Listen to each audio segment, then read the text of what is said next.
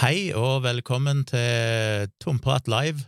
I dag har jeg for første gang i podkasten min med meg en gjest, og det er sjølveste Didrik Søderlind som skal få lov å presentere seg sjøl om litt. Men før vi starter, så er jo dette en livestream som nå kjører i dette øyeblikket live for mine patrons. Og hvis du òg har lyst til å få med deg alt innholdet jeg har på Patron, som kan være fremtidige livestreams, men der ligger òg lydbøkene mine er tilgjengelig der, jeg har noen foredragsvideoer som ligger der. Eh, du får litt andre ja, fantastiske, spennende ting, som tilgang til min Discord-server og andre ting. Du finner patronen min her på patron.com slash tjomli. Der går det an å signe opp for å støtte det arbeidet jeg gjør med blogging og videoer videoer, livestreams og podkast og alt sammen. Hvis du er glad i kritisk tenking og vitenskapsformidling, så setter jeg veldig pris på å få støtte som gjør det mulig for meg å kunne fortsette arbeidet og kanskje gjøre enda mer på sikt, som jeg selvfølgelig håper på. Og hvis du òg abonnerer på YouTube-kanalen min Tvilsomt med Tjomli, som du er inne på akkurat nå, så får du med deg livestream som jeg kjører ganske ofte, sånn åpent på kveldene.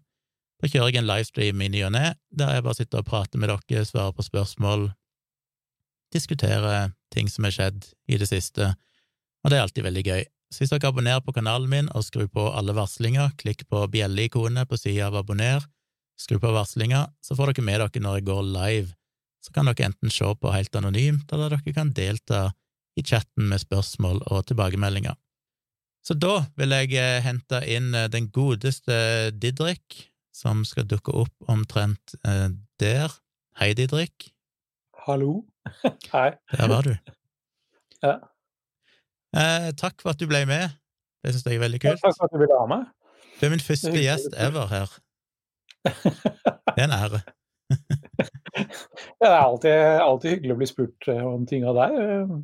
Sånn er det bare. Ja, du er, du er så medgjørlig at det er nesten flaut. Nei, men vi har jo, vi har jo litt forhistorie, så jeg ja. syns det er litt viktig å stille opp. Setter veldig pris på det, og jeg spurte deg jo fordi jeg syns jo temaet konspirasjonsteorier og QAnon og Flat Earth og alternative strømninger, som jo både meg og deg har vært opptatt av i mange, mange år, mm. har blitt eh, mer aktuelt enn kanskje noensinne. Det mm. føles iallfall sånn. Eh, og da vet jeg det er mange som kanskje ikke nødvendigvis vet så mye om det. Og da er det jo ingenting som er bedre enn å prøve å opplyse folk, og jeg vet jo at du har engasjert deg og satt deg litt inn i noen av disse tingene, så så du var rette person å prate med, tenkte jeg. Men du kan jo begynne, for de som ikke kjenner deg og ditt eh, vakre andlet. Eh, hvem, hvem, er egentlig Didrik, og hvorfor har jeg eh, spurt deg om å være med her? Nå med vakkert koronaskjegg. Nei, altså um, Jeg heter Didrik. Jeg jobber i Human-Etisk Forbund og er eh, over gjennomsnittet opptatt av hva folk tror og ikke tror på. Uh, og det har vært en sånn brennende interesse for meg hele livet. Uh, og jeg er litt sånn både interessert i ateisme og skeptisisme og humanisme og sånne ting, men også interess veldig interessert i religion, uh, religiøse forestillinger, religiøse praksiser, sånne ting. Så generelt, altså, jeg, jobber med tro og tvil, er vel egentlig det jeg prøver å, prøver å si. Og jeg har engasjert meg en del i konspirasjonstenkning. Uh, litt fordi jeg ser på det som en slags sånn religionslignende ting, da. Mm. Hva er religion uten alt det jeg liker ved religion? Uh, på en måte. Ja, for du er jo eh, til å være Du kaller deg vel ateist, gjør du ikke det? Eller? Jo, jeg, altså først og fremst er jeg humanist. Uh, men, men, jeg er også ateist. Uh, og har Blir vel egentlig mer og mer ateist med åra, tror jeg. Og det er på tross av at du har prøvd hardt å bli religiøs? jeg prøvde jo å være Altså, jeg har jo prøvd å være religiøs, og det bare fungerer dessverre ikke for meg.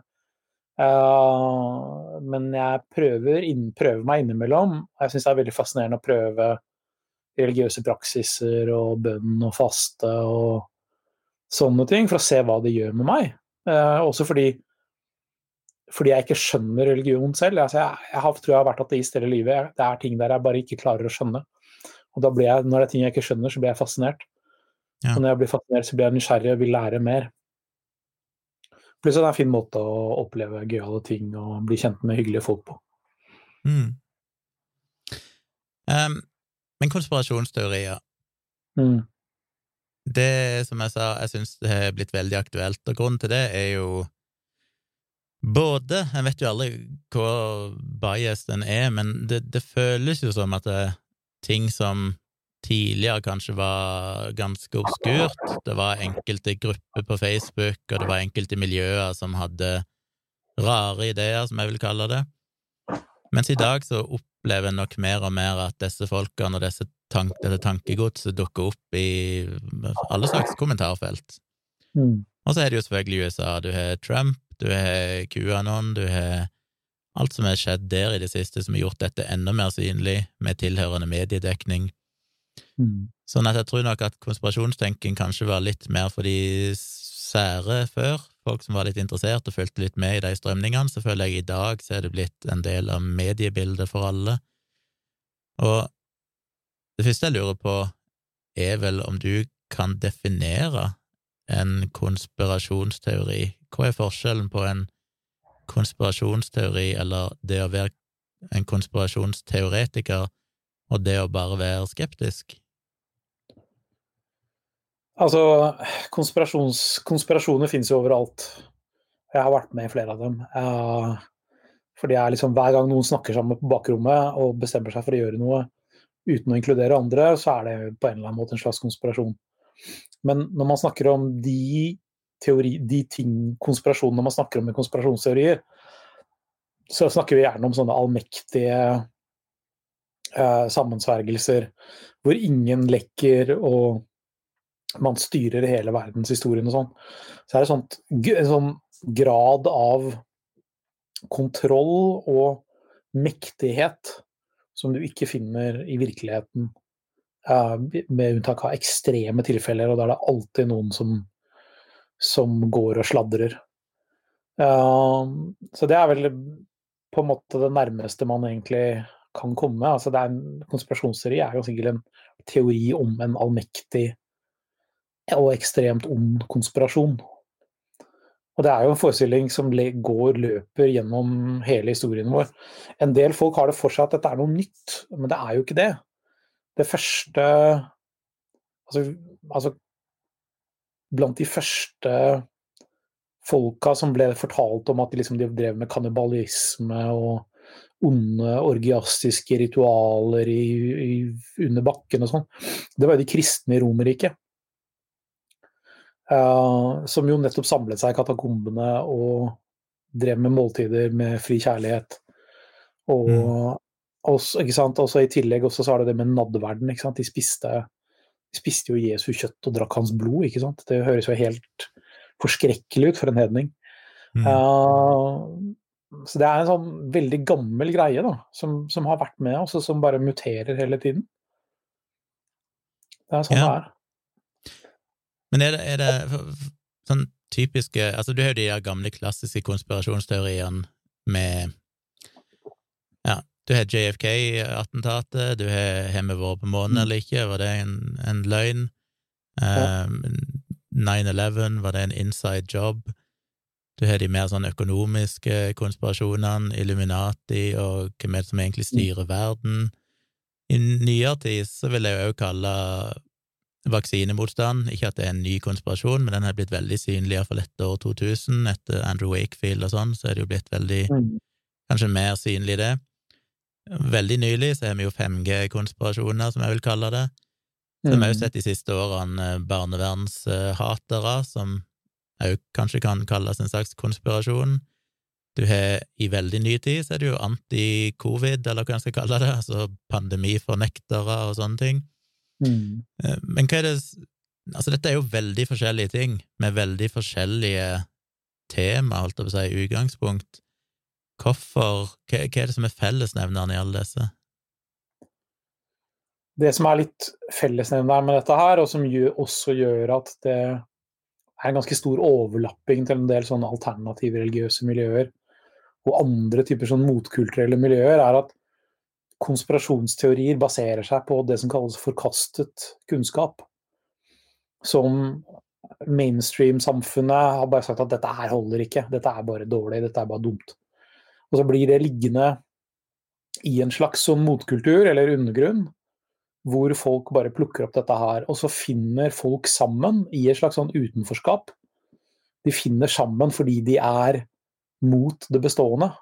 Og Det er derfor det gjør at du f.eks. på disse her, disse her demoene mot covid-tiltakene og sånn, så har du liksom på en måte eh, øko-hippier ved siden av ny, rene nynazister, ikke sant.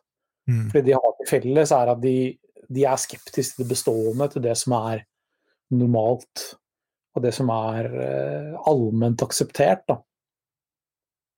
Og det er en veldig fascinerende mekanisme uh, som jeg kjenner meg litt igjen i, fordi jeg, jeg har ganske motkulturell bakgrunn sjøl. Og interesserte meg for konspirasjonsteorier så langt tilbake som på 90-tallet. Men, men, da var det nesten helt ukjent i Norge. Og de som kunne noe om det, det var liksom folk som kjøpte kule, rare bøker fra USA som var veldig underholdende og ganske sprø. Ikke mm. Uh, så det var virkelig noe du aktivt skikkelig måtte oppsøke for å det hele tatt vite at fantes. Da eh, miljøet rundt tidsskriftet Humanist og sånn laget den første antologien om konspirasjonsteorier på norsk rundt 2000, så man fant ingenting eh, av konspirasjonsgreier i Norge. Det var liksom en og annen overvintra nynazist, og så var det en eller annen Eh, liksom alternativmedisiner som mente at det var en sånn legemiddelkonspirasjon som gjorde at homopati ikke var allment akseptert, eller noe sånt. Uh, og nå i dag så har liksom veldig mange en eller annen i slekta eller familien eller vennekretsen som driver med dette her, som har gått på limpinnen på en del av disse tingene her. Så det har gått liksom fra 20 år fra å være helt ukjent i Norge til å bli noe som de fleste har vært borti. Da er det interessant å tenke litt rundt hva, hva er det som gjør at det har vokst og spredd seg. Er det en konsekvens av at uh, mer tradisjonell religiøsitet eller kristendom har gått tilbake, og folk trenger et eller annet å tro på, så det på en måte fyller det hullet? Eller er det internett? Eller er det begge? Eller noe helt annet? Altså, altså, noen av de som tror på konspirasjonsteorier, er jo kristne. Så jeg vet ikke om liksom, kristendommens død er skyld i noe av dette her, men det kan nok kanskje være en viss overlapping. Altså dette som ble tillagt GK Chesterton, ja, men som han ikke sa, men som er ganske greit destillat av holdningen hans, nemlig at når folk slutter å tro på kristendommen, så tror de ikke på ingenting, de tror på hva som helst. Mm.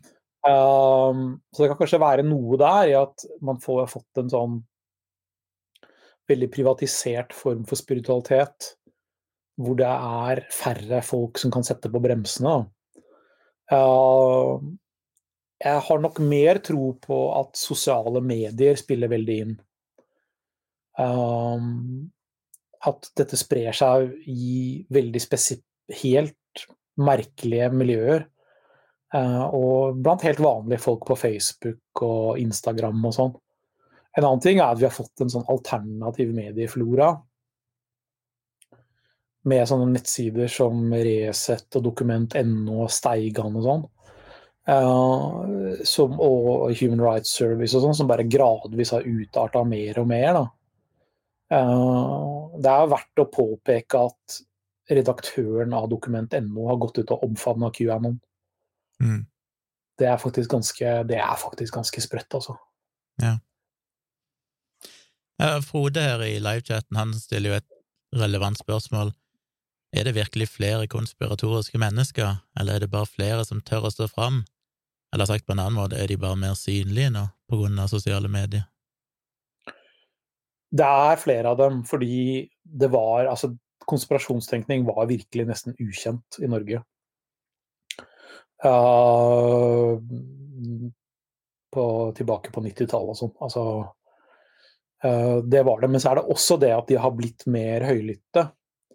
Men så er det også det at det er også en del av dem som har faktisk begynt å holde litt lavere profil. Det var det jeg merka etter særlig etter Utøya. Fordi vi som holdt på med dette her en god stund, ja, det var sånn at på, på 00-tallet så var konspirasjonsteorier Det begynte å bli plukka opp i Norge. Og mediene gjorde det til underholdningsstoff. De ville ha her til å komme og snakke om de fem mest gøyale og crazy konspirasjonsteoriene og sånn. Um, og det var liksom litt, det var litt sånn stas og litt moro, da. syns mange. Og så kom Utøya, som jo var et direkte resultat av konspirasjonsteorier om at uh, Arbeiderpartiet drev og skulle bytte ut nordmenn med muslimer og sånn. Um, og da, da var det ikke så gøy lenger. Uh, og det var en del folk som begynte å legge litt lokk på det. Så, så jeg, jeg så folk jeg visste var ganske konspi, som begynte å liksom tone det litt ned. da. For det begynte, det, det begynte å få negative reaksjoner på det. Mm. Men igjen så er det jo det at liksom altså, men, men igjen, altså det var jo rundt 2011-2012. Men så etter hvert så begynte jo liksom dette å komme inn i politikken. ikke sant? Du hadde Ulf Leirstein, som jo var liksom justispolitisk talsmann for Frp, var han ikke det? Som lagde en sånn rettssikkerhetsgruppe som Mm. skulle gi ham råd om om juss og, og politikk i Norge. Og som besto av liksom en sånn der stjernegalleri av noen av de verste konspirasjonsfolka vi har. Ikke sant?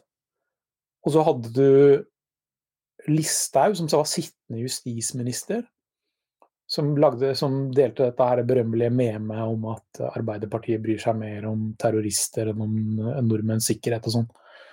Uh, som faktisk brukes som eksempel i faglitteraturen på konspirasjonssnakk i den boka 'Hva er konspirasjonsteorier?' på universitetsforlaget. Uh, så det er ganske fascinerende at vi har en, hatt en justisminister som Mm. brukes som skoleeksempel i faglitteraturen på konspirasjonssnakk. Så, så det, har, det har vært en utvikling her. Det har det. Og når du også ser altså, ikke sant, Per-Willy Amundsen, vår tidligere justisminister, sitter og deler folk fra Infowars og sånn. Ikke sant? Alex Jones-gjengen. Mm. Det er eh, det, Ja, så det har vært en utvikling her. Det har det. Ja. Og du var litt innom det tidligere. Vi har jo Jeg husker jo tilbake, det er mange år siden nå. Det var jo eh, Ja, hvor lenge siden? Sju-åtte år siden, eller sånn. Så ble jeg blokkert ifra Facebook en periode fordi jeg skrev kritisk om antivaksine, og så var det kampanjer for å rapportere meg ifra antivaksinemiljøer. Mm. Og da skrev jeg en eh, kronikk i, på NRK Ytring, og for, vi spekulerte litt i hvordan er det mulig å rapportere folk ut av Facebook, for vi vet jo at det var folk som hadde prøvd å rapportere folk som skrev det vi mente var brudd på retningslinjene, kommentarer om vaksiner og sånne ting, og det var klin umulig, Facebook ville aldri kaste folk ut, men en eller annen gang så klarte de å kaste ut sånn som meg og et par andre. Ja, meg også. Ja. Og det vi så da, var jo at på den tida så begynte det å bli Det virka som at dette var en slags taktikk så, som oppsto ifra hva det heter, Europe, European Defence League eh, i England, altså høyreekstreme miljøer, Ja, som da English begynte å League ja, English Defence League, som Ja. begynte å samarbeide med vaksinemotstandere sånn i England, og så hadde en sett de samme tendensene der. Så jeg husker jo Mm. allerede da så skrev jeg litt om det, at jeg syntes det var fascinerende at høyreekstreme samarbeider med vaksinemotstandere, for det teknisk sett så er det vel neppe noe sånn Altså, jeg tror det er mange vaksinemotstandere som står veldig langt politisk ifra høyreekstreme i utgangspunktet, men de har kanskje en felles fiende, og derfor forente de seg. Og jeg føler bare det har blitt enda mer tydelig i dag. Vi så det allerede da, for mange år siden, mens nå, spesielt i USA, sånn senest i nå for et par dager siden, når disse covid-fornekterne og vaksinemotstanderne sto og blokkerte for vaksinering utenfor et stadion i California, så sto de jo sammen med høyreekstreme. Og det er så fascinerende, synes jeg, at nå er det blitt helt mainstream at høyreekstreme og vaksinemotstandere kjemper den samme kampen. Og du, du var jo litt inne på det, men, men er det Ja, det er kanskje bare så enkelt som at det er en sånn felles forakt for autoriteter, eller felles forakt for eliten? Er det en sånn antielitistisk bevegelse? Er det, er det det som driver konspirasjonen? jeg kjøper ikke at det er en antielitistisk bevegelse, fordi Altså? En av heltene deres er jo en mann med gulldass. Det er Men de tror jo han er en mann av folket. Ja, det er viktig å huske på at Trump er vaksinemotstander. Ja. Og at Fred eh, Eller, eller altså, han er Han sprer iallfall konspirasjonsteorier om vaksiner. Um, så, men ja, man har en del altså, Man må skjønne hva de, hva de mener når de snakker om eliter. De snakker om eliter er folk med, med liberale holdninger. Det er det, de, det er det de mener. Det handler ikke om utdannelsesnivå, det handler ikke om inntektsnivå. Det handler ikke om formue. Eh, Det handler om at folk har liberale meninger, er det som gjør dem til elite. Du ser det samme i Norge også. De samme, samme greiene fra kulturkrigerne på høyresida i Norge. At eh, elite er lik gjerne person som bor i by, eh, og, og eller har liberale meninger. Men en annen type elite, kan det være jødene? Som sitter med økonomisk makt og representasjon i uh, altfor mange plasser, ifølge disse folkene. For det er vel òg en ting vi har sett, og som du har vært inne på tidligere, at hvis du følger trådene langt nok tilbake, nesten uansett hvilken konspirasjon det er, så kommer du til jødene til slutt. At det òg ser ut til å være en slags fellesnevner. Ja, eh, det gjør man jo. Det handler jo om at den klassiske konspirasjonsteorien siste 100 åra, eh, og flere hundre årene egentlig, det er ideen om jødene, jødenes verdensherredømme, eller forsøk på å få verdensherredømme, Sions siste protokoller og den der typen ting. Så det, det ligger veldig dypt i kulturen vår, eh, inkludert en del antisemittiske forestillinger som du finner i Du finner det i en høyre-radikal variant, du finner det i en venstre-radikal variant, du finner det i en konservativ variant, du finner det i en opplysningstenkningsvariant, du finner det i en religiøs variant, du finner en ateistisk variant osv. Eh, jøden er en veldig sånn fleksibel, eh, fleksibel skurk. Eh, han kan være det du, det du har behov for i en skurk. Da. Han kan være religiøs eller gudløs, han kan være eh, ond kapitalist eller slem kommunist. Etter, alt ettersom hva du ikke liker. Så det er én ting. Eh, og moderne konspirasjonskultur er gjennomsyra av antisemittisme. En ting som også har skjedd i de årene som jeg har holdt på med dette her, er at folk i særlig det norske konspirasjonsmiljøet, de har blitt mindre blyge på det med jødene. Mm. Da konspirasjonsteorier virkelig sånn for alvor ble importert inn i Norge, så var det bl.a. gjennom bøkene til Per Aslak Ertresvåg. Eh, og han var jo tidligere venstremann. Um, og jeg tror ikke han er antisemitt, sånn at han fornorska jo veldig mye av dette amerikanske konspirasjonsmaterialet. Og da luka han bort det verste jødegreiene. Så det nådde Norge i en litt sånn mer kosher variant. da. Eh, Iallfall hvis med de, de mange som tok det mellom ham. Og disse bøkene solgte virkelig mye. altså De lå jo virkelig på bestselgerlistene til Trond Små og sånn. Og, og det var også sånn rundt da f.eks. da Human-Etisk Forbund starta 'Ingen liker å bli lurt'-kampanjen i 2011 og sånn, så var det sånn at folk var veldig nøye på det at de var ikke antisemitter. Så har det gått noen år, og folk har blitt liksom mer og mer sånn at eh, de er mer, liksom mer og mer åpne for den jødegreia da, i konspirasjonsmiljøene. Det er sånn nå at jeg faktisk, hvis jeg kommer over norske konspirasjonsfolk som ikke har jødenoia, så syns jeg faktisk det er litt sånn hyggelig og befriende. Mhm. Fordi det er, det er, så, det er, det, er så uvanlig. Ikke sant? Det er bare sånn, stort sett, hvis det, Når jeg ser de deler artikler fra nettaviser, og sånn, så går jeg inn og sjekker de nettavisene, og det er nesten alltid et eller annet sånn holocaust-benektelse eller eh, jødene styrer verden, eller et eller annet sånt noe. Der. Det hører liksom med til sjangeren. Ja, og du var jo innom det litt tidligere. Du sa at eh, eh, en forklaring på mer konservativ tenking var kanskje ikke eh, kristendommens tilbakegang, fordi det er mange kristne som òg er konspirasjonsteoretikere. Mm. Og det har vi jo snakka litt om tidligere i livestreamene mine her, men jeg er interessert i å høre hva du tenker, for er, med, det er mange, tror jeg, som har observert det, at de, og da snakker vi ikke nødvendigvis om Eller da snakker vi kanskje om de mest sånn konservative kristne. Eh, der er det en interessant sånn anti-covid-tendens, altså anti-lockdown, anti-smitteverntiltak. Mm. Men så har vi òg sett tidligere at de har en fascinerende interesse for ting som pyramidespill og sånn økonomisk lureri, der det har vært en del sentrale KrF-ere sånn, som har vært høyt oppe og drevet med mye rare ting og sånn, som er jo en mm. slags, jeg vet ikke om jeg kalle det en konspirasjonsteori, men det er litt samme tenk, den ukritiske tenkinga. Det, det, er det ikke. Uh, det, er ikke. det, er ikke. konspiratorisk, men det er, altså det er ikke konspirasjonsteorier, men, men en av grunnene til at kristne miljøer er spesielt utsatt for sånn pyramidesvindel, det er at det er miljøer hvor folk har mye tillit til hverandre. Og vil gjerne vil hjelpe hverandre.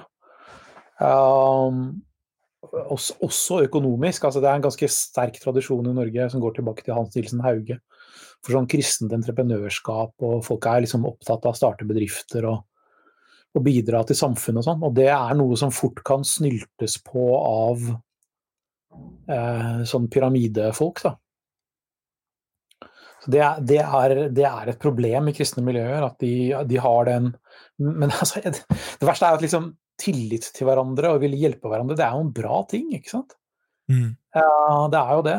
det. Så det er bare så, det er så utrolig synd at noen utnytter det. Det er faktisk noe av det jeg liker med Jeg har ganske mye med kristne miljøer å gjøre, og jeg må si at noe av det jeg liker med dem, er nettopp den derre De er ganske flinke ofte til å si at ok, vi setter av såpass mye denne summen med penger hver måned som vi gir til en god sak.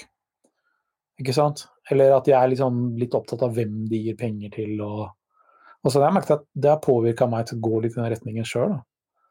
Bli mer obs på hva jeg gir penger til. Og, så det er, det, er, det er, mye bra der, men, men, det kan jo da også utnyttes ikke sant? av folk med litt øh, dårlig med skrupler. Jeg skulle jo tro at det kristne budskapet om nestekjærlighet gjorde at uh, for eksempel smitteverntiltak var en no-brainer. men, ja, men allikevel så ser du det motsatte, liksom. Det er en sånn alle mann for seg sjøl, og her er det kun uh, Gud som egentlig styrer. Og det blir veldig sånn anti-stat. Da er det, veldig, er det veldig viktig å påpeke at det er veldig få kristne som er der. Ja. Uh, de, majoriteten av norske kristne er ikke uh, liksom ute i det lallende landskapet der i det hele tatt. Det er litt viktig å få med seg, altså. Men, men, eh, men, ja, det er for mye konspirasjonsgreier. Jeg tror at litt av problemet er at en del kristne miljøer har en tradisjon for konspirasjonstenkning rundt sånn ja, dommedag og dyrets tegn og, og sånne ting. Uh, ikke sant? At EU er dyret åpenbaringen og sånn det finnes en sånn, en av, de, en av de første norske konspirasjonsteoretikerne jeg ble klar over, var Abel Struksnes, som er en norsk eh, kristenfundamentalist av en eller annen variant. Som drev og lagde pamfletter om hvordan EU var dyr i åpenbaringen. Eh, mm. og, og, som han drev og hang opp på Ja, spredde på de måtene man kunne. Sånn på sent 80-, tidlig 90-tall, som var å henge det opp på oppslagstavla på vegetarrestauranten i Oslo og sånn, ikke sant. Det var, det, var, det var, sånn man kunne spre det da. Så, så, det er også en sånn kristen tradisjon der. Men kan det være, igjen, som du sa, da, må, og dette har jeg jo snakka mye om i livestreams, sånn at jeg kjenner jo mange veldig smarte og veldig sympatiske og kristne, så det er ikke for å generalisere, men, men i kanskje mer de der eh, ja, litt mer konservative, gammeldagse kristne miljøene, kan en årsak til at konspirasjonsteorier lett kan bidra på de, være òg at de Jeg føler jo ofte at i de miljøene så er jo det å tenke kritisk en uting. At de kanskje er oppfostra til en slags svekka grad av kritisk tenking òg. Og da er, det, da er de et lettere bytte for den type tankesett. Men altså, konspirasjonstenkning betyr jo ikke at man tenker ukritisk. Det betyr bare at man innretter sin kritiske sans i en annen retning enn hvor man f.eks. er superkritisk til alt myndighetene sier. Ikke sant? Um, ja, men det er vel en fundamental mangel, for det er det jeg sier liksom forskjellen på å være en, en skeptiker i den forstand vi tenker, og en konspirasjonsteoretiker, er for meg at en skeptiker først og fremst er kritisk til seg sjøl, mens en mm. konspirasjonsteoretiker først og fremst er kritisk til andre eller systemet. Og jeg tenker kanskje i de kristne miljøene så kan de godt være kritiske og skeptiske, men de mangler den der selvkritiske, den der der de analyserer sine egne tanker hele tida. Ja, altså det skal jo sies at de, det, er mange, at det er mange i min leir også som kanskje ikke har så mye selvkritikk som de kanskje burde. Men, men eh, Så jeg, jeg, er litt usikker på akkurat det. Men, men jeg tittet gjennom YouTube-videoene lagt ut av partiet De kristne mm. tidligere i dag, uh, som jo representerer litt det segmentet der. Ja. Og, og, der var det jo liksom altså, Det er jo som å se liksom bare redaksjonene i Resett og Dokument.no eh, og sånn. Det er jo miljøer hvor dette her florerer. Uh, så det er jo ikke Altså det er jo det at de overlapper med sånne miljøer også politisk, da. Tror jeg har litt, si med, har litt med det å gjøre. De hadde ikke noen, ikke noen, fra Steigan der, men det er vel det å liksom gå til gammelkommunistene er kanskje for langt Kanskje for drøyt for, for kristenkonservative. Men hvis vi ser på en av de nyeste konspirasjonsteoriene som nå er mest i ilden, som jo mm. er QAnon, som vel ja. eh, offisielt sett dukker opp i 2017, hvis jeg husker rett, mm. kan du eh, Klarer du å kort og enkelt klare å oppsummere hva er QAnon? Altså, kort og enkelt er veldig vanskelig å oppsummere det med, men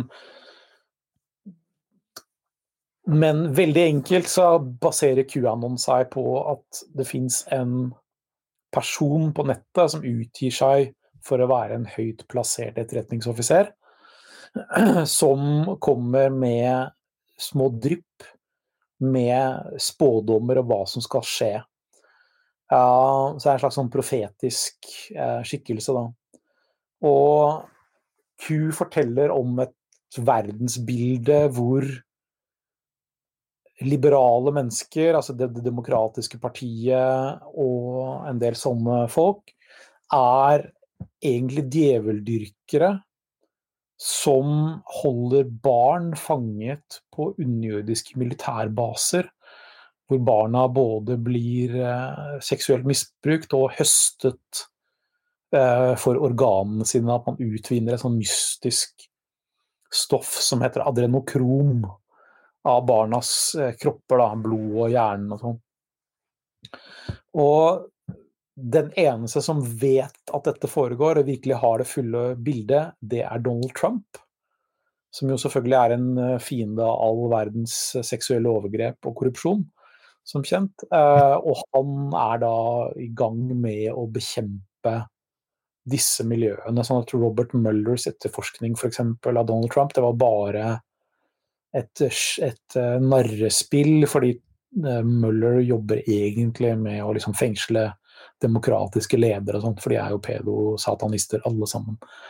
Um, det er altså det er altså så sprøtt at jeg merker at når jeg sitter og forteller om det Så hvis jeg hadde hørt meg sjøl snakke om dette her, så hadde jeg bare tenkt at nei, nå smører Didrik litt tjukt på igjen.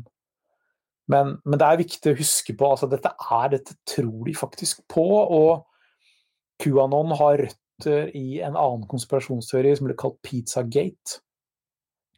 Hvor kjernen var at, en, at Hillary Clinton og andre sentralt plasserte demokrater drev en barnesexring fra kjelleren under en pizzarestaurant i Washington DC.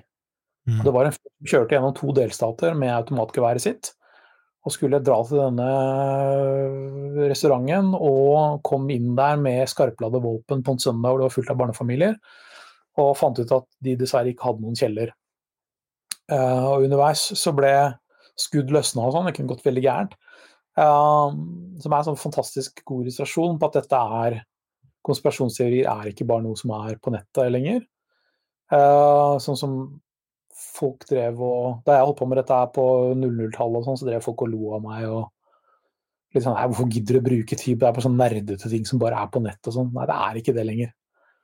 Og det var jo interessant også å se på den Capital-stormingen i USA, hvordan du så folk med QAnon-T-skjorter løpe gjennom eh, kongressbygningen, ikke sant. Eh, og, og for, og jage politifolk og sånne ting. Så det er altså dette er eh, dette er ikke bare forestillinger som folk har i hodene sine og på nettsidene sine, det er forestillinger de handler på bakgrunn av. Ja, og det er det som blir så rart, da. Det er hvordan kan voksne mennesker tro på dette? Altså, hvilken psykologisk prosess er det som gjør at folk kjøper et sånt narrativ som det? Ja, det er vanskelig å si. Jeg er ikke psykolog, um, så det har jeg ikke så lyst til å uttale meg om. Men jeg har lært meg en del om religion etter hvert, og om livssyn. Og jeg ser på dette i stor grad som et livssynsfenomen. Og mennesker er dyr som søker Vi søker mening i tilværelsen. Vi prøver å finne ut hvorfor verden er som den er. Hvorfor ting ikke er som de burde være. Uh, hvorfor finnes det ondskap? Og sånne ting. Vi søker også fellesskap.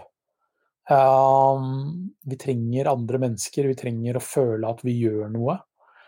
Og QAnon er jo en fantastisk blanding av alt dette her. Det gir deg både en forklaring på hvorfor verden er som den er, og hvorfor ting går gærent, men den gir deg også en slags helterolle i ditt eget liv. Du kan gå fra å være liksom en sånn kjedelig person som er arbeidsledig eller jobber på et kjedelig kontor, eller noe sånt, til å være en sånn ridder i hvit rustning som kjemper for uh, sannhet og godhet. Ikke sant? Samtidig så er det nok sannsynligvis også ganske gøy for meg veldig mange å være med på dette her. ikke sant?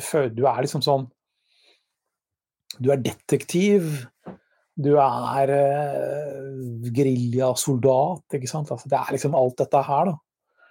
Uh, jeg, jeg, tror det kan være ganske moro å være med på, være med på dette her. Så jeg, jeg har ikke noe ja. veldig problem med å forstå sånn rent personlig at folk lar seg lokke. Ikke sant? QAnon-mytologien er altså ekstremt fargerik, ikke sant. Men betyr det at du tenker at mange av de kanskje ikke egentlig tror på liksom de spesifikke detaljene, men at det kanskje handler mer om et overordna verdensbilde og fellesskap og sånne ting? Jo, men altså, vi, noe vi vet om Q-troende, er at de ofte i varierende grad tror på de forskjellige komponentene dette er. Uh, men sånn er det med de fleste verdensbilder, ikke sant. Hvis du er med i et vanlig politisk parti, uh, hvis du er med i Ap f.eks., er ikke sikkert du er enig med partiet ditt i alt. Ikke sant? Det kan være ting ved partiet du syns er teit eller partiveldet hvor du tar feil, men det er liksom der, der, du føler deg mest hjemme, og så har du venner der. Så føler du at det dere gjør alt i alt er ganske bra, da. Mm. Så, så, jeg syns ikke det er så, liksom, så veldig langt så, så vanskelig å forstå, egentlig. Jeg tror alle Jeg har vært rundt ganske mye spesielle miljøer i oppveksten. Ikke sant? Eh, Punkscena, anarkistmiljøene, forskjellige sånne motkulturelle eh, rare miljøer, da. Og det, altså, det har en sjarm, det har en moro i seg, ikke sant. Det, er, det har en sånn Det er liksom du, du og vennene dine mot verden. Ikke sant. Jeg, jeg, har, jeg har ikke så veldig vanskelig for å for å skjønne at folk syns det er gøy, altså. Jeg har ikke det. Nei, jeg bare syns det som skiller kua, da Jeg mener, månelanding og JFK og alle de andre tingene, det er litt sånn Ja, vi kan akseptere Sånn teknisk sett så kan du si at ja, vi vet ikke, altså vi vet jo selvfølgelig at folk lander på månen og sånn, men det går an å lage et argument for at du kan plukke fragmenter, si her er det et eller annet som skurrer, og her er det noe som skurrer, og sånn. Mm. Men jeg bare føler QAnon inneholder elementer som er bare sånn helt åpenbart absurd, at det bikker så langt over den grensa til at det lenger er bare litt sånn mystisk og fascinerende å spekulere i, liksom. Og men samtidig så har QAnon 2000 år med forhistorie. For, som vi snakket om i stad, med altså, konspirasjonsteorier om kristne i katakombene under Roma som uh, møttes der nede for å spise menneskekjøtt og drikke menneskeblod. Og ha, og ha fri kjærlighet sammen, ikke sant?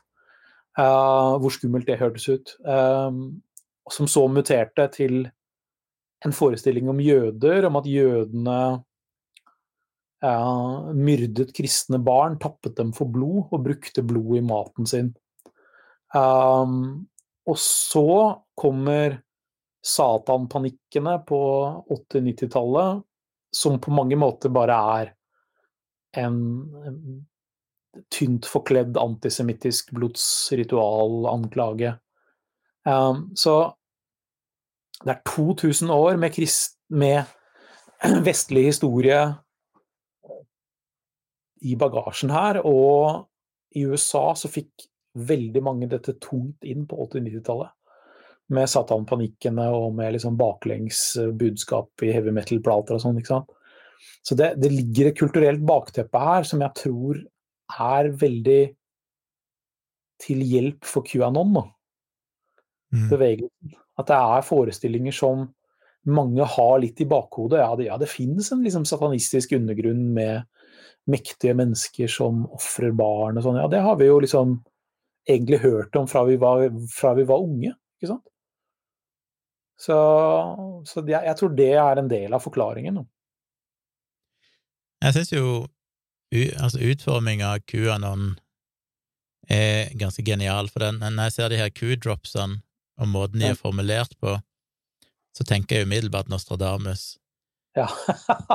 og det er liksom genialt. Du, du kommer med spådommer som er såpass wishy-washy at du kan tolke hva som helst inn i det, og da går det jo sport i å gjøre nettopp det, og så føler folk seg smarte, og så blir det en slags konkurranse om å være den beste detektiven i å tolke dette, og det er klart mm. det har en appell, så akkurat den strategien Men, men har det vært det, det, det stoppa vel ifra Q etter Trump tapte valget, men to, kommer man tilbake igjen? Har du fått med deg det? Jeg har ikke helt fått med meg hva som har skjedd de siste to månedene. Jeg har ikke fått med meg at han har kommet tilbake, nei. Så, men, så, så, det som det snakkes mye om nå, er jo hva blant de som følger dette tettere enn jeg har mulighet til å gjøre, det er jo hva som kommer nå etter Q. Uh, og det er jo På den ene siden så har du en del folk som faller fra som skjønner at de har blitt lurt, eh, og lager videoer og står fram og, og liksom sånn Ja. Svelger litt kameler, da. Eh, på andre siden så har du de som bare blir mer troende, blir mer overbevist om at de hadde rett. Og Det er det samme som vi kjenner fra religiøse bevegelser tidligere, som har spådd dommedag. Når dommedag ikke kommer, så er det noen som faller fra, og så er det mange som bare blir enda mer troende. Mm. En annen ting er jo sant, spørsmålet Altså, mange har investert veldig mye i dette. De har betalt en ganske stor pris, mange av dem også. Uh, med liksom folk som, hvor liksom familie har brutt med dem, og, uh, og vennene deres har brutt med dem og sånn. ikke sant? De har ikke de har investert mye i det, og hvis de har Hvis de er stolte, hvis de er sånn som ikke liker å innrømme at de tok feil, så kan veien tilbake bli veldig vanskelig. Uh, det er liksom veldig vanskelig å liksom ringe alle vennene og si du beklager at jeg har oppført meg som en idiot. Og beklager at jeg beskyldte deg for å støtte djeveldyrkende eh, barneofrere, liksom. Eh, men for en del av dem så blir nok veien tilbake vanskelig. Og da er det alltids andre ting de kan ende opp i. Eh, og det man har sett, er jo f.eks. at eh, nynazister aktivt frir til disse miljøene. Mm. Uh, og prøver å plukke opp det, for, for det er folk som er sinna, det er folk som er radikalisert av Trump, eh, som mener sosialister og jøder er farlige. og da er det liksom Ja, da, da er du på god vei over til å til å kunne bli uh, nynazist ganske sømløst. Ja. Før, allerede før QAnon eh, så begynte vi å høre mer og mer om flatjordere, Flat Earth. Mm. Jeg vet ikke om du har sett den, eh, det ligger en video på YouTube som heter In Search of a Flat Earth, som eh, jeg definitivt anbefaler å se. Eh, en veldig bra video der en fyr starter på en måte Det virker først som at han skal på en måte debunke eller Flat Earth-teorien, Mm. og skal ut og gjøre en måling av et vann og sjekke at liksom jordet krummer seg og sånn, men så går det mer over i en ganske lang monolog der han klarer å binde det sammen til slutt med å vise hvordan ja, hvorfor det, det er en bevisst tenking og en felles filosofi som ligger bak Flat Earth og QAnon, og binder Ja. det sammen veldig fint. Og det han vel egentlig konkluderer med, det er jo denne her ja, skepsisen til det etablerte, og skepsisen til behovet for å skille seg ut, behovet for å føle seg spesiell, unik, Mm. som sitter med spesiell kunnskap og sånn. Mm. Men jeg syns Flat Earth, før QAnon, så var Flat Earth liksom det mest sånn ekstreme eksempelet på liksom, i all verden kan folk virkelig tro på noe sånt, og så kom QAnon og på en måte tok kaka, men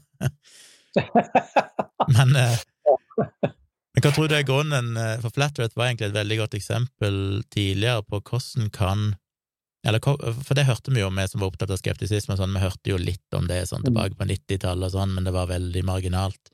Og så plutselig så er det gått så mainstream at det er liksom tusenvis på tusenvis av videoer på YouTube, og til og med folk som det, ja, jeg skal ikke akkurat si at Christian Påske er en spesielt uh, pålitelig fyr, men, men du har liksom norske aktører som òg går ut og offentlig sier at de er flat earthere.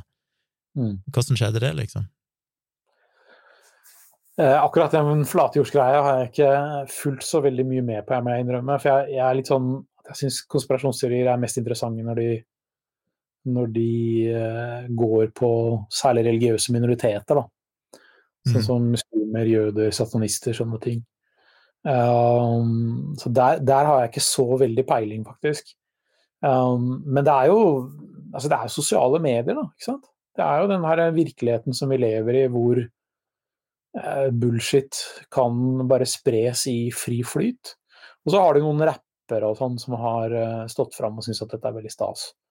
Ikke sant? Og da, er, eh, og da, når det blir en del av populærkulturen på den måten som det da blir, eh, så sprer det seg lynraskt.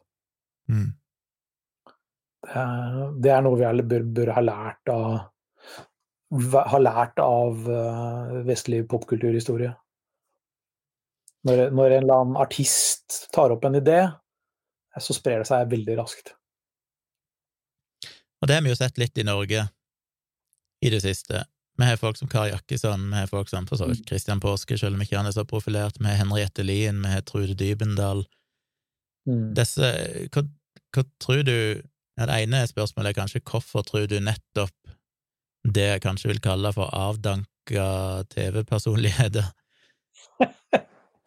Eh, Hvorfor ender de opp der? Jeg har jo spekulert litt i om er det folk som er, er bare Ja, de savner rampelyset på et vis. De, de har ikke lenger den der betydningen som de hadde før, og så blir de litt desperate etter å finne noe som gir mening, som gjør at de kan føle seg spesielle igjen. Eller er det bare tilfeldig at det er de vi ser, at noen av de må nødvendigvis være tidligere TV-personligheter òg, og derfor så legger vi merke til de? Jeg tror nok det er mye det at vi legger merke til dem fordi de har vært på TV, men, men noe som er interessant, er jo at både eh, Kari Jakkesson og Henriette Lien driver med trening og sånn wellness-kultur og sånn. Og altså, Henriette Lien er yogainstruktør. Og i de miljøene der så finner du mye forestillinger om sånn helserenhet og sånn, som veldig fort blir konspiratorisk og kritisk til eh, vanlig medisin og vaksiner og sånn. Eh, en gammel venninne av meg som heter Si hva du vil, hun hadde en veldig god artikkel i Harvest. Hun jobber også som yogalærer, og hadde en veldig god artikkel om hvordan liksom Facebook-feeden hennes fra de yogafolka hun kjente, plutselig dukket opp masse sånn QAnon-greier og annen sånn konspi. da. Så, så jeg tror det kanskje kan ha kommet inn den veien. Så er det også at Jakkesson har jo også en fot i dette her miljøet rundt Pål Steigan. Med sånne gamle kommunister med litt hang til eh, konspirasjonsteorier om jøder og sånn. Og der har du så, der har du også en vekselvirkning, da. Så jeg tror ikke nødvendigvis at man trenger å psykologisere dette så mye. Eh, jeg tror det bare handler litt om at dette er de folka vi ser. Mm. Men så er det jo så klart at altså, de, liker, de liker oppmerksomhet, liksom. Men, det, men på den annen side, det gjør jo alle nå. Altså, alle har jo Jeg jobbet for en kjendis en gang som sa at hun hadde venner som eh, følte at de ikke levde hvis de ikke var i Se og Hør eh, på noen numre. Mm. og og um, i dag så er det blitt en folkesykdom, ikke sant? Fordi alle er sånn at hvis du ikke får mange nok likes på Instagram-bildet ditt, så føler du liksom at du ikke er At ingen liker deg, og det blir litt sånn smådøppa. Så jeg tror nok at den derre oppmerksomhetsøkonomien vi har, gjør ting verre, da. Ja, det er jo blitt et yrke nå til dags. Det kalles vel influenser. Ja, ja, ikke sant. Men, Men- men jeg tror det er litt sånn at? En annen ting er at det å si drøye ting, det gjør at mange reagerer på deg. Og da blir du iallfall ikke oversett. Mm. Da blir det iallfall noen merke til deg. Selv om oppmerksomheten ikke nødvendigvis er, er eh, positiv. Ja. Tror du at de har noen appell til folk flest? Altså, er det, er det farlig også at uh, Kari Jakkesson og Henriette Lie når de sitter og lager videoer og sånn, eller tror du det er bare preaching to the choir, og det kommer ikke til å påvirke folk ellers? Jeg mener jo at dette er farlig. Jeg gjør jo det. Jeg mener at konspirasjonstenkning er farlig, og Jakkesson har jo f.eks. lefla med en av de som vi virkelig vet er farlig, nemlig konspirasjonsteorier om jøder, f.eks. Ikke sant. Um, så, så vi vet at Altså, vi vet at dette er farlig fra historien. Og fra nyere historie i Norge også. Altså Sånn at jeg, jeg er veldig kritisk til dette, for jeg vet at altså jeg, jeg vet at det er farlig. Jeg er jo helt overbevist om det. Um, og det er jo bare å se hvor mange altså, se hvor mange følgere Henriette Lien har? Mm. som blir utsatt for dette her. Og så kan du tenke deg at det er ikke bare fra dem de har det, de er kanskje også med, med et miljø hvor det er en del andre folk rundt dem som sprer den samme typen ting. Eh, hadde Jakkesson og Lien vært enslige svaler, så hadde det ikke vært noe veldig stort problem, men de er jo ikke det. ikke sant? Folka som blir utsatt for dette her, de får det fra andre kilder også. De er i miljøer, de leser nettaviser, de er med i Facebook-grupper, de har venner som pusher dette her. ikke sant? Når du hører noe mange ganger fra mange forskjellige folk, så blir det etter hvert noe normalt for deg. Selv om det kanskje var litt sprøtt i begynnelsen. Og så begynner du å etterplapre det, ikke sant. Det er uh... Hva, hva gjør vi med det? Altså, hvordan kan du uh, Bør en gå i debatt med de? Bør de ignoreres tida si hæl? Bør en uh, latterliggjøre de? Altså, hva er grepet her for å prøve å imøtegå dette? Jeg tror det litt på alle ting, jeg. Jeg tror at de folka man har rundt seg og som kan reddes, de kan man gå i diskusjon med. Og da tror jeg det er lurt å ikke latterliggjøre dem, men heller gi dem en sjanse til å hente seg inn. Eh, og så kan man latterliggjøre de her store folka som driver For det, altså, de er, det, er jo, det er jo latterlig. Altså, det er jo idiotisk også, ikke sant? Mm. Og når Henriette Lien deler ting av David Icke, altså fyren som mener at det britiske kongehuset og Elton John er hamskiftende krokodiller fra det ytre rom. Altså det, er sånn, det er jo helt totalt dust, ikke sant. Um, men så tror jeg også det at man altså, skal reagere veldig skarpt.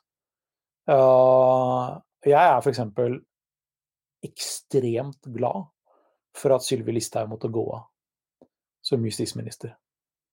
At, at dette her ikke lønte seg, at hun ikke slapp unna med det. Jeg kan diskutere om hun burde fått mer eh, konsekvenser for henne enn det det gjorde, men hun måtte iallfall gå av.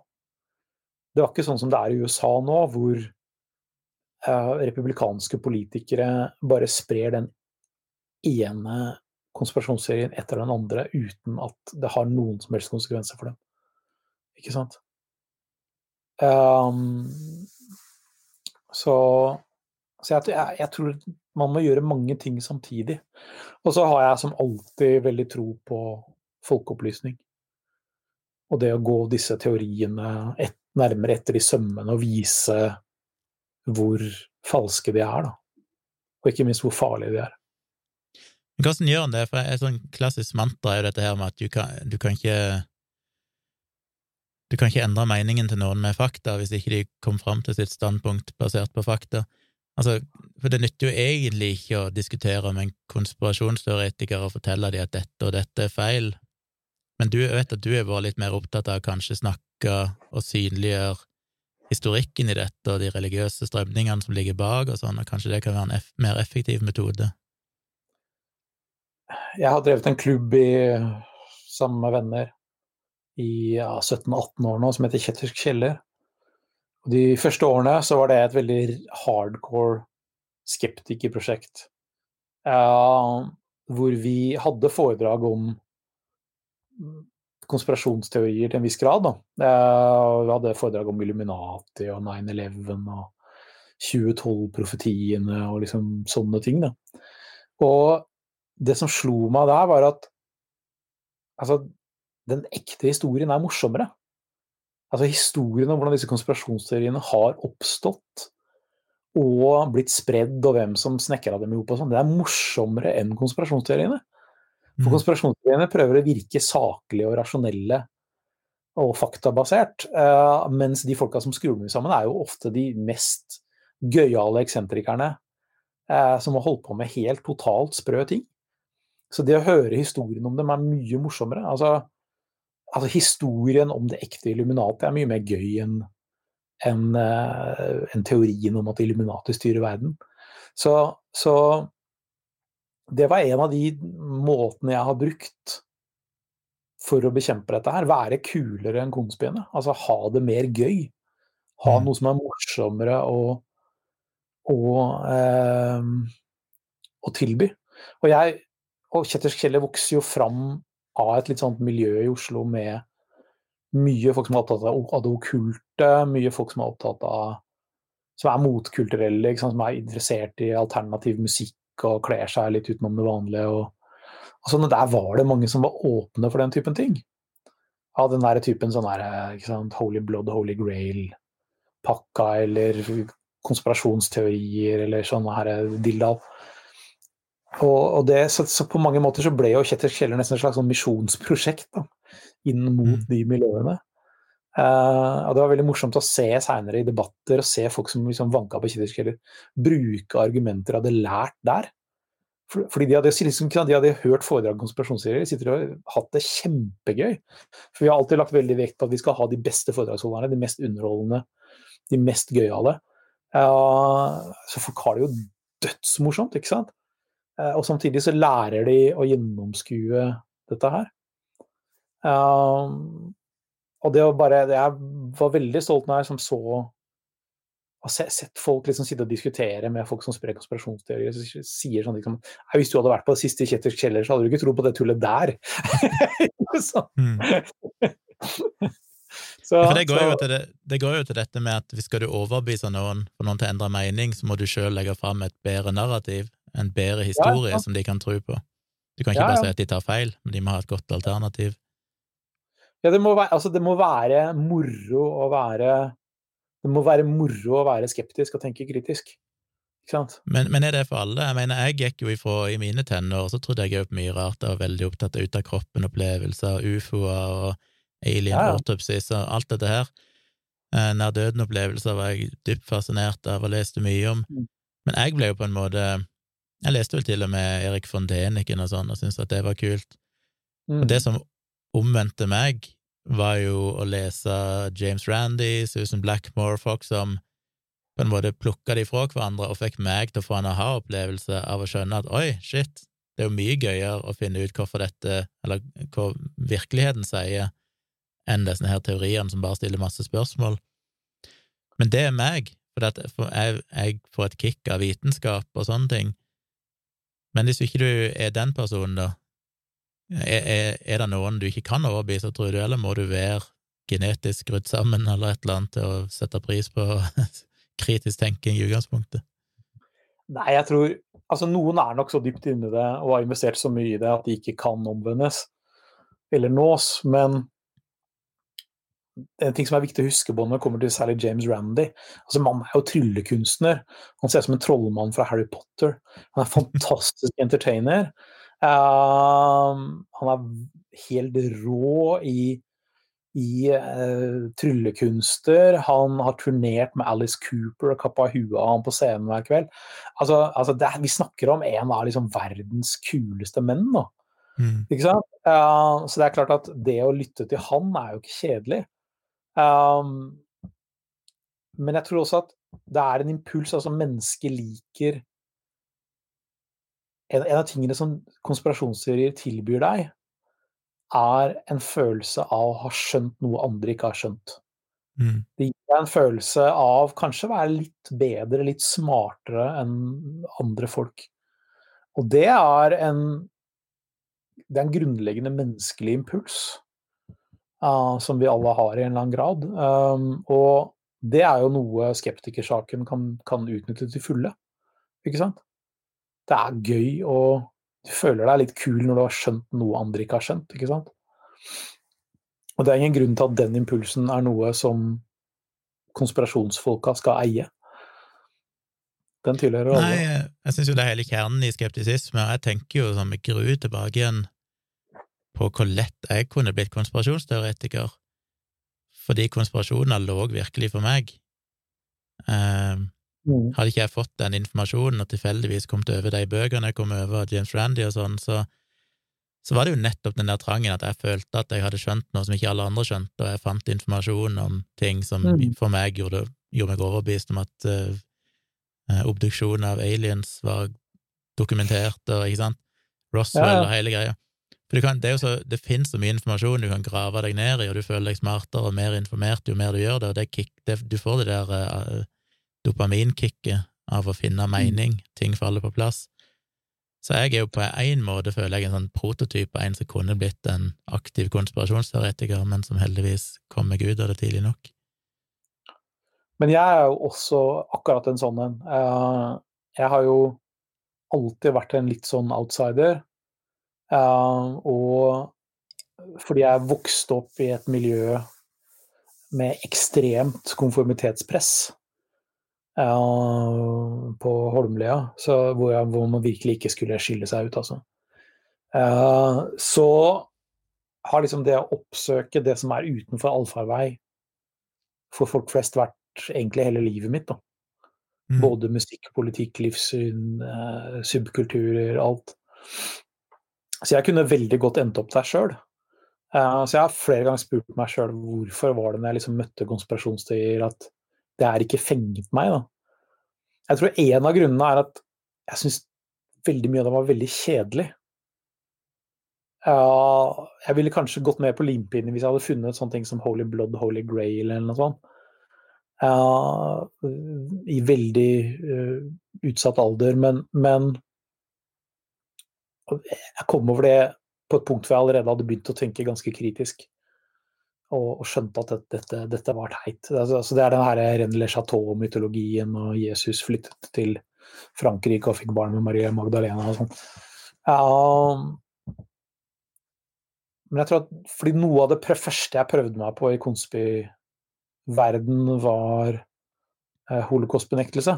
For det syns jeg er veldig, veldig interessant. Um, og litt av problemet med holocaustbenektelse altså Litt av problemet med holocaustbenektelse fra et holocaustbenektet synspunkt, da, altså en velsignelse for meg som syns det er noe tull, eh, det er at den litteraturen prøver veldig å utgi seg for å være vitenskapelig faglitteratur. Og historisk faglitteratur. Um, så den er dritkjedelig, for å si det veldig, for å si det veldig pent. Det er veldig mye sånn tabeller om vannspeil i Auschwitz og kapasiteten på det tyske jernbanenettet. Og altså, det er sånn utrolig ting som jeg syns er bare møkkjedelig, for realfag er jeg skikkelig dårlig og syns er kjempekjedelig. Um, så jeg bare orka ikke engang å lese det for å se hva det var. Jeg liksom kom noen sider inn så på at dette her livet er for kort. Jeg kan, godt lese vanskelige fagbøker, eh, men da må det iallfall være noenlunde altså Det må være noe verdi der. Ikke sant? Mm. Og du orker ikke lese 400 sider med liksom tabeller over krematorieovners kapasitet uh, og sånne ting, bare for å liksom konkludere med at dette er tull. Det orker, det, jeg orker iallfall ikke det. Jeg vet at du er mye mer utholdende på det. enn det jeg er. Ja, det er jo det spørsmålet jeg var innom litt tidligere, det er hvordan møter du sånne folk? Jeg har jo laga en video her på YouTube-kanalen min som heter et eller annet med hvordan snakke med en konspirasjonsteoretiker, ti tips. Ja, det var kult. Ja, eh, det er jo jeg, jeg, Med skam så må jeg jo si at jeg vet ikke om jeg klarer å etterleve så mange av tipsene sjøl i praksis, for at jeg blir litt for fort trigga i sånne debatter til at jeg klarer å være den rasjonelle, sindige personen som jeg egentlig ønsker jeg skulle være. Men men ja, først og fremst, hvis dere ser dette, sjekk ut den videoen. Jeg håper jo den kan gi noen tips, og et av de viktigste tingene der tenker jeg vel er Skal du koke alt ned til én ting, så er det dette her med å stille spørsmål. Ikke bli mm. satt i posisjonen der du skal forsvare hvorfor konspirasjonsteoretikeren tar feil, men heller stille hvordan vet du det, hvordan, hvor fant du dette, hvem har fortalt det til deg? Mm. Eh, få de på defensiven til å måtte virkelig tenke igjennom om det henger sammen, det de tror på jeg har litt det problemet at fordi jeg skriver litt om konspirasjonsteorier innimellom og har snakka litt om det i media og sånn, så er iallfall særlig Twitter-kontoen min er en magnet for sånne folk. Mm. Og jeg, jeg, kan ikke bruke hele livet mitt på å sitte og argumentere for hvorfor det ikke Hvorfor Pizzagate ikke er sant. Jeg kan ikke det. Og jeg har hatt sånne folk etter meg i stor grad.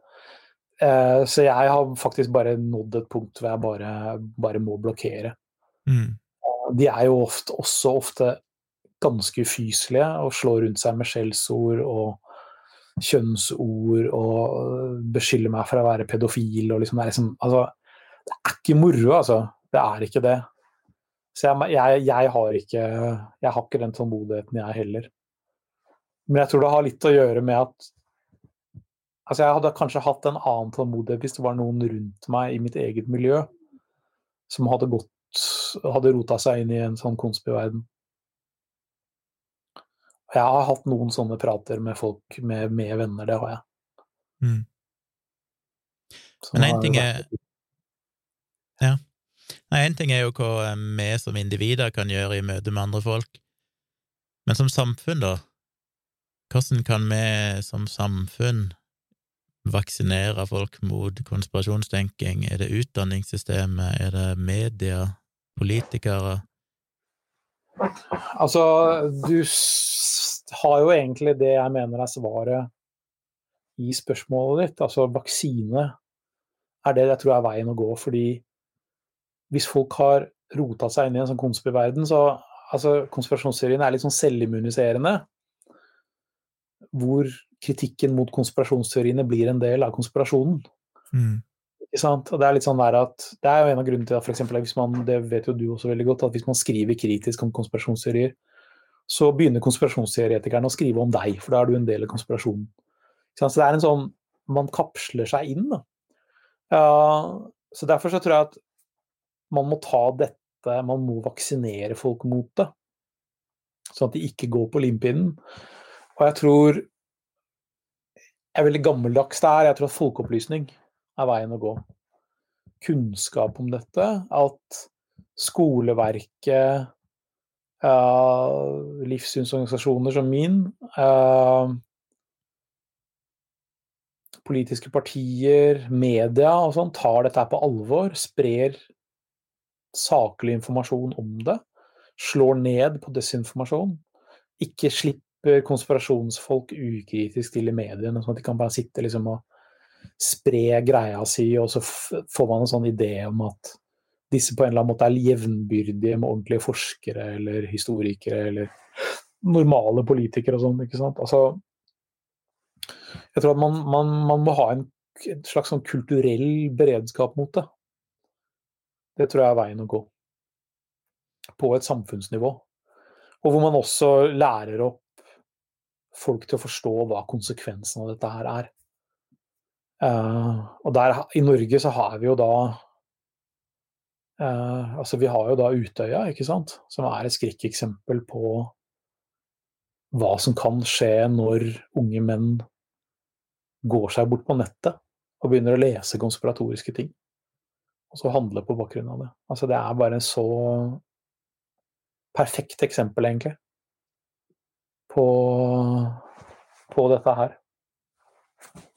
Jeg vet ikke om du er sånn som meg, at du kjente deg litt igjen i Breivik. Siden du sier at du også har liksom vært Kunne endt opp rare steder. Ikke sant? Ja, jeg, jeg kjenner meg jo igjen i veldig mye av det konspirasjonsteorier Det er det jeg syns er vanskelig, fordi at som skeptiker og en tilhenger av vitenskapelig metode, mm. så liker jeg ikke å avvise påstandene. Hvis noen kommer med 9-11-konspirasjoner, og så begynner de å komme med ja, men her, hvordan kan du forklare dette, sånn, så syns jeg det er vanskelig å bare si hold kjeft, dette her er tull. Da må jeg gå inn og faktisk researche det og finne ut ok, men har de et poeng? Jeg må finne mm. ut av dette, jeg må ha et godt svar, og det koster så mye tid.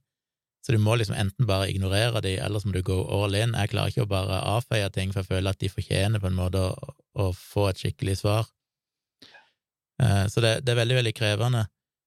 Men en, en, en, ting som henger sammen med det, er jo Jeg snakket om det i en tidligere episode av podkasten min, at en studie som nylig viste at etter at Trump ble kasta av Twitter, så sank andelen spredning av den type desinformasjon vanvittig, jeg skal ikke tale nå, men det sank betydelig i løpet av de neste tre-fire dagene, som de forskerne da tolka i retning av at sånne fyrtårn som på en måte er veldig synlig og sprer sånne konspirasjoner, er veldig, veldig viktige for at det skal spre seg. Mm. Når du fjerner dem, så, så, så, knuser du på mange måter de miljøene litt. Så hva tenker du om det, er det riktig og er det viktig, tror du, at vi gjør det, at vi er aktive på det, kaster folk som Trump, Alex Jones, at de bør på en måte deplatformes? Altså, jeg, jeg, tror at det er veldig viktig å, å, marginalisere dem. Det tror jeg. Og det er en av grunnene til at jeg f.eks. har liksom fulgt med på folk, som nettopp folk som Kari Jakkesson og Henriette Lien og sånn, fordi de, de, har mulighet for å virke som den der typen fyrtårn.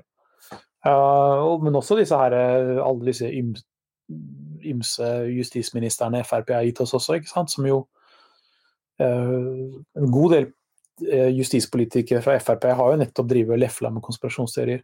Og det er jo også med på å normalisere dette, ikke sant. Hvis en tidligere justisminister uh, kan dele ting fra Infowars, så kan det jo ikke være så gærent. Mm. Ikke sant? Mange som sitter og tenker på det. Så jeg er veldig opptatt av dette her, at det, det må det må slås ned på, og det må kritiseres. Og det må på en eller annen måte straffe seg, da. Ikke sant? Det må, det må få konsekvenser. Det må, må, ikke bare være sånn at man liksom kan bare trekke på skuldrene og så eh, Ikke sant? Det må være sånn at folk tenker litt gjennom at uh, ja, kanskje vi ikke skal Kanskje vi ikke skal melde oss på det kurset som holdes av den og den personen og sånn. ikke sant? Altså, jeg er jo motstander av yrkesforbud og, mener, og er veldig sånn mot å kontakte folks arbeidsgiver og sånn. Uh, jeg vil ikke ha, liksom, sånn, ha sånn Norge hvor folk mister jobben pga. meningene sine, som ikke vedgår jobben. Men, men det der at, at mediene helt ukritisk bruker folk som sprer ekstreme konspirasjonsteorier, og bare slipper dem til helt sånn ukritisk, sånn som f.eks. NRK, som har sånn, sånn koseportrettintervju med Johan Galtung. Mm. Uh, som jo driver og sprer helt vanvittige antisemittiske konspirasjonsteorier, ikke sant. Uh, det, det, er jeg veldig kritisk til. Det er jeg. Ja. Jeg kan ta med et siste spørsmål som kom inn her på chatten. Eirik mm. sier da jeg gikk på skolen, handlet eh, kritisk tenking nesten bare om å være skeptisk til avsenderen. Det beskytter kanskje ikke så mye mot aksept for konspirasjonsteorier? Det er et godt spørsmål. Um, jeg syns det hjelper ganske langt på vei, fordi når du går og ser Altså, en ting er å være skeptisk til personen som, som sprer dette til deg. Det kan jo godt være en nær venn, ikke sant? men hvis du går og ser hvor vedkommende har den informasjonen fra, så er det et veldig godt råd å være, nettopp være skeptisk til avsender. Som for eksempel det eksempelet jeg brukte i stad, hvor du, sant, noen deler en artikkel som virker litt sprø fra en eller annen nett, nettavis, ikke sant. Men som virker også litt sånn innafor. Kanskje det er noe her. Og så går du inn og ser at uh, går inn på nettsiden, så ser du at de også har en artikkel om at holocaust ikke skjedde. Ikke sant? Og at uh, Obama har vært på Mars, f.eks. For, eksempel, for å ta et reelt eksempel fra nyhetsspeilet. Så, så jeg syns det er alltid et veldig godt alltid et veldig godt argument å se på hva hva sier folk, og hva sier de hvem, hvem, er de? Hva, hva, har de sagt om andre ting? Hva har de gjort før? Ikke sant? Det er f.eks. noe av det som fascinerer meg med, med folk som, som deler artikler fra Pål Steigan, f.eks. Altså, Pål Steigan er kanskje den norske, norm, den norske mannen nålevende norske mannen som har tatt mest katastrofalt politisk feil. Mm. Uh, han har gjort det gang på gang og har lært forferdelig lite av det. Så hvis du faktisk syns at en eller annen artikkel han skriver har noen bra poenger, så er det kanskje sånn at du kanskje ikke bør dele den, kanskje heller bør revurdere standpunktet ditt. Tenke mm. gjennom det et par ganger. fordi liksom, hvis han, hvis han mener noe, så er det faktisk en ganske stor sjanse for at det er innmari feil. ikke sant? Det er noe med sånn folk som er liksom sånn, altså, peker mot en eller annen magnetisk nordpol av forferdelighet. da. Ja, det, jeg, har vel skrevet det sjøl i kommentarfeltet, at hvis du finner et eller annet på steigan.no, så kan du nesten være sikker på at det er det motsatte av sannheten. Men det ja. føles jo som en sånn cop-out òg. Jeg skrev jo en lang bloggpost der jeg kritiserte denne covid-filmen, ja. og skrev en ny bloggpost etterpå der jeg gikk gjennom alle kildeanvisningene, og en betydelig andel av de kommer jo fra ganske høyreekstreme nettsider som er en lang historikk med å spre de villeste konspirasjonsteorier, og så kan det tolkes som at jeg bare avfeier de fordi jeg er uenig politisk, eller et eller annet sånt.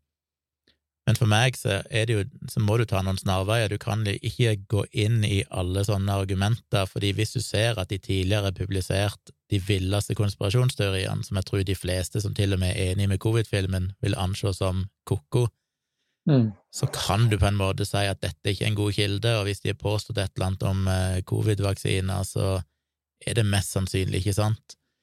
Så jeg tror det der med den der taktikken òg må bare, som du sier, se, det gjør jeg veldig ofte når jeg blir vist en kilde, så går jeg inn på menyen og så begynner jeg å se hva annet er det de har posta på denne sida, og da ja, ja. får du veldig fort et bilde av er dette en troverdig kilde eller ikke. Altså, jeg har et litt annet forhold til det, fordi jeg leser faktisk ganske mye ekstremt materiale fordi jeg syns det er interessant. Altså Jeg leser ganske mye høyreradikale, høyreekstreme forfattere, f.eks. For eksempel. flere av dem. Flere av favorittforfatterne mine har liksom vært antisemitter, høyreekstreme, sånne folk. Um, så jeg, jeg, er veldig bekvem med sånt materiale. Men jeg bruker ikke argumenter fra dem nødvendigvis uh, i politiske debatter, da. For jeg, liksom, jeg, det, der syns jeg ofte at de tar veldig feil. Men du kan jo sette pris på det, det de lager allikevel. ikke sant? Altså Romaner og filosofiske bøker og sånn, ikke sant. Det kan du. Så det men, men, jeg vil jo si at iallfall i Norge så vil jeg si at en fascinerende ting med å være interessert i høyreekstremisme, sånn som jeg har vært i mange år, det er at det norske, de norske høyreekstreme miljøene har virkelig ingenting å by på. Mm. Der, altså, når du liksom ser til Tyskland og Sverige og Frankrike og USA og sånn, så er det folk der liksom som driver interessante forlag, interessante bloggportaler, blader, plateproduksjon. De er uh, romanforfattere eller noe sånt. I Norge er det virkelig ingenting. Det er en ødemark intellektuelt og kulturelt. Uh, så det er virkelig ingen grunn til å, henge, til å hente hente noen ting derfra. Ikke sant? Nå må du ikke undergrave at Hva det hun heter Trude Helen Hole? Ikke hun skrevet noen sånne romaner?